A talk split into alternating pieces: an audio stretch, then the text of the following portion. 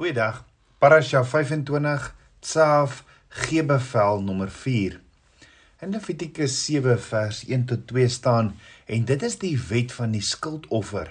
Dit is hoog heilig.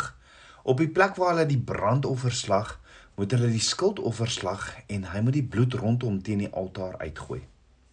So Abba Vader sê dit is die wet van die skuldoffer en dit is hoog heilig. En ek wonder hoekom. En hoekom bring jy nou weer 'n skuldoffer? As gevolg van 'n skuldgevoel, skaamte, veroordeling, onwaardigheid, victimisasie, hopeloosheid en depressie en wanhoop. As jy met enige van hierdie gevoelens in jou sit, sal jy verseker versoek word deur die vyand om weg te kruip van Abba Vader. En is hier waar jy dan nie Abba Vader kan nader met aanbidding en gebed nie, want jy kruip weg as gevolg van skaamte en 'n skuldgevoel. Presies hoe Abba hoe, hoe Adam en Eva gevoel het, want 'n skuldgevoel en skande is die resultaat van die sondeval in die tuin van Eden. En die eerste ding wat Adam en Eva gevoel het na hulle sondeval was skuld en skande. Hulle het gaan wegkruip van Abba Vader en Abba Vader het hulle geen rede gegee om te gaan wegkruip nie. Ek en jy gaan ook deur skandes in ons lewe. En dalk sit jy vandag nog met skandes of met iets waaroor jy skuldig voel. Onthou, skuldoffer is die woordjie asham in Hebreëus wat baie meer beteken as net dit. Dit behels ook emosionele en geestelike bagasie wat jy so swaar op jou skouers dra. En die King James vertaling beskryf asham as oortreding. Nou om 'n oortreding te doen is om 'n grens te oorskry om om inbraak te maak op iemand se regte om iemand se grond te betree en sodoende aanstoot te gee. Kan ek herhaal?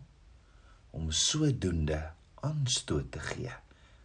So is dit moontlik dat aanstoot my blok dat ek hierdie dat ek voel ek is so vasgeketting dat ek op 'n Vader nie kan nader in hierdie roeping wat hy het nie.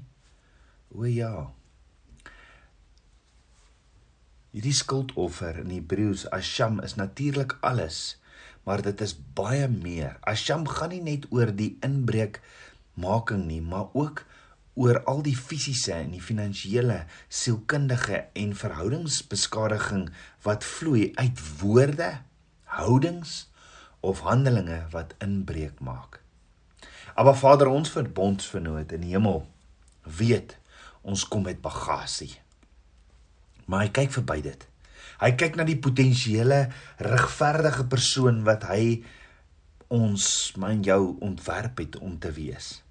Hy wil ook hê dat hierdie wêreld ons moet sien soos hy ons sien in plaas van die manier waarop ons tans is. Dis bied hy 'n amazing manier en 'n kragtige aansporing om elke gewig op sy te sit wat ons belemmer in ons strewe na intimiteit met hom en om saam met hom te wandel in 'n gesonde, vredesame verhouding. Dis nie net sonde. Die Hebreëse woord shata wat ons belemmer vir so diep intieme verhouding met Abba Vader nie. Nee, as ek en jy as as ek en jy aanstoot neem, blokkeer dit ons ook om intiem met Abba Vader te nader en dit is hier waar die skuldoffer, die asham dan inkom. Asham bevat elke negatiewe emosie van skuld, skaamte, aanstoot, gevoelens van onwaardigheid, victimisasie, uitstraling, isolasie, hopeloosheid, hulpeloosheid, uh, vitale, uh depressie, vrees, verwerping, oorweldiging en wanhoop. En as jy een van hierdie gevoelens omhels, sal jy in 'n versoeking kom om weg te kruip van Baba Vader soos wat Adam weggekruip het. En so so baie mense neem aanstoot. En aanstoot het baie negatiewe gevolge. Daarom as ons aanstoot neem, is dit belangrik dat ons 'n skuldoffer vir Abba Vader bring want ons want aanstoot maak dat ons soos Adam en Eva gaan weg wegkruip. Onthou wat het Kain gedoen? Kain het aanstoot geneem teenoor Abba Vader en teenoor sy boetie Abel wat hom tot kwaad wat hom wat wat hom toe kwaad gemaak het en wat gelei het toe tot moord. En Kain het aanstoot geneem. Absalom het ook aanstoot geneem teenoor Amnon en teenoor sy pa wat hom kwaad gemaak het en wat gelei het tot moord. En dis die gevolge van aanstoot neem. Is dit nie ook hoekom Yeshua sê in Matteus 24 vers 10 en dan sal baie tot struikel gebring word die die oorspronklike aanstoot geneem word en mekaar verraai en mekaar haat. Die punt is neem jy aanstoot word jy so kwaad dan lei dit tot haat en dit gebeur vandag nog selfs in die kerk Hoor gou in Markus 6 vers 2 tot 3 lees ons en toe dit Sabbat geword het, begin hy in die sinagoge te leer, Yeshua, en baie wat hom gehoor het, was verslaa. Hierdie verslaa woordjie is nie 'n goeie verslaa nie. En hulle sê toe, Maar kry hy hierdie dinge? Waar kry hy hierdie dinge vandaan? En watter wysheid is aan hom gegee dat ook sulke kragte deur sy hande plaasvind? Is hy nie die timmerman se seun van Maria en die broer van Jakobus en Joses en Judas en Simon nie? En is sy susters nie hier by ons nie? En hulle het aanstoot aan hom geneem. So die woordjie verslaa wat nie 'n goeie verslag verslag is nie, is die woordjie in Grieks expleiso wat beteken to strike om iemand te slaan to expel by a blow to drive out or away. So Yeshua het die waarheid onder sy mense begin leer en hulle het kwaad begin word. Hoekom? Want volgens hulle was hy nie hierdie timmerman wat groot geword het daaronder hulle En dit het hulle aanstoot gegee dat Yeshua soveel waarhede verkondig het met soveel wysheid en hy's net 'n timmerman hier uit hulle eie dorp uit. Maar hulle het soveel aanstoot geneem dat hulle hom wou slaan en wou doodmaak. Dan in Lukas 4 gaan lees gaan gaan lees ons ook van Yeshua wat in die sinagoge is en Yeshua wat lees in in, in Jesaja 61 vers 1 tot 2 wat profeteer van die Messias wat kom en Yeshua sê die gees van Abba Vader is op my want Abba Vader het my gesalf om die waarheid te verkondig vir die wat arm is in die gees. So Yeshua lees vir hulle in Jesaja en hoor gou-gou wat staan in Lukas 4 vers 18 tot 19. Die gees van die Here is op my, dis wat Yeshua sê, omdat hy my gesalf het om die evangelie aan die armes te bring. Hy het my gestuur om die wat verbrysel van hart is te genees, om van om aan gevangenes vrylating te verkondig. Ek herhaal daai, om aan gevangenes vrylating te verkondig en aan blindes herstel van gesig, om die wat gebroke in vryheid weg te stuur, om die aangename jaar van die Here aan te kondig. En Yeshua sê toe vir hulle in vers 21: "Vandag is hierdie skrif in julle in julle ore vervul." So wat Yeshua vir hulle sê is: "Ek is die Messias waarvan Jesaja geprofeteer het. Ek is die Messias hier in julle eie dorp." En wat sê hulle? Hulle sê: "Is hy nie Josef die timmerman se seun nie?" Hulle is verslaa. Ek pleis so. En dan sê Lukas 4 vers 28 tot 29 en almal in die sinagoge is met woede vervul en toe hulle dit hoor en hulle het opgestaan en hom uit die stad uitgedryf en hom gebring tot op die rand van die berg waarop hulle stad gebou was om hom van die kraans af te gooi. So hoekom wou hulle Yeshua van die kraans afgooi? Want hulle het aanstoot geneem. Hoekom het hulle aanstoot geneem? Yeshua het nie hulle verwagtinge bereik nie. Hoekom het hy nie hulle verwagtinge bereik nie? En dit bring ons by wat aanstoot veroorsaak. Onvervulde verwagtinge gaan aanstoot altyd vooruit. Of onvervulde verwagtinge veroorsaak aanstoot of offens. Maar wat is hierdie onver, onvervulde verwagtinge? Om te verduidelik. In Lukas 7 vers 18 staan en die disippels van Johannes, Johannes die Doper, het hom van al hierdie dinge berig gebring. En Johannes het seker twee van sy disippels na hom geroep en hulle na Yeshua gestuur en gesê: "Sê vir hom, is u die een wat sou kom of moet ons 'n ander een verwag? Hæ? Het jy dit gehoor? Johannes die Doper, hoe is hy nou so onseker? Hoekom sit hy nou met so twyfel in hom oor Yeshua? Dink daaroor. Het Johannes die Doper nie vir almal vertel die een wat met die Heilige Gees gaan doop is op pad nie? En Johannes die Doper was ook Yeshua se neef. Ja, onthou toe die engel vir Maria, Yeshua se mamma kom sê het sy gaan 'n kindjie kry vir Yeshua, toe sê die engel ook vir Maria in Lukas 1:36 en kyk Elisabet, jou bloedverwant, het self ook 'n seun ontvang in haar ouderdom. En hierdie maand is die 6ste vir haar wat onvrugbaar genoem is. So na die engel dit vir Maria gesê het, het Maria opgestaan en haastig na Elisabet en en Sagaria toe gegaan.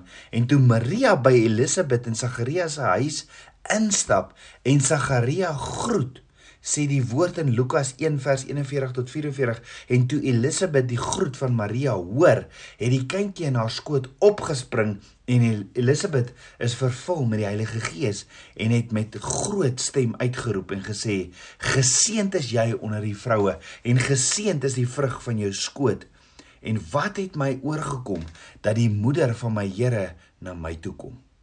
Want kyk, toe die geluid van jou groet in my ore klink, het die kindjie in my skoot van vreugde opgespring. So Johannes die Doper wat in sy ma se skoot opgespring het en wat vervul is met die Heilige Gees 'n paar jaar later sien vir Yeshua stap na hom toe en sê vir almal in Johannes 1:29 Daar is die lam van God wat die sonde van die wêreld weggeneem. Johannes wat gevul is met die Heilige Gees wat vir almal die lam van God uitwys en sê hy is die een wat die sonde van die wêreld wegneem sê vir Yeshua toe Yeshua vir hom sê om hom te doop toe gaan Johannes die doper Yeshua te en sê vir Yeshua in Matteus 3 vers 14 ek het nodig om deur u gedoop te word en kom u na my toe? Hoekom sê Johannes die Doper dit vir Yeshua? Want Johannes het geweet Yeshua is die lam van God.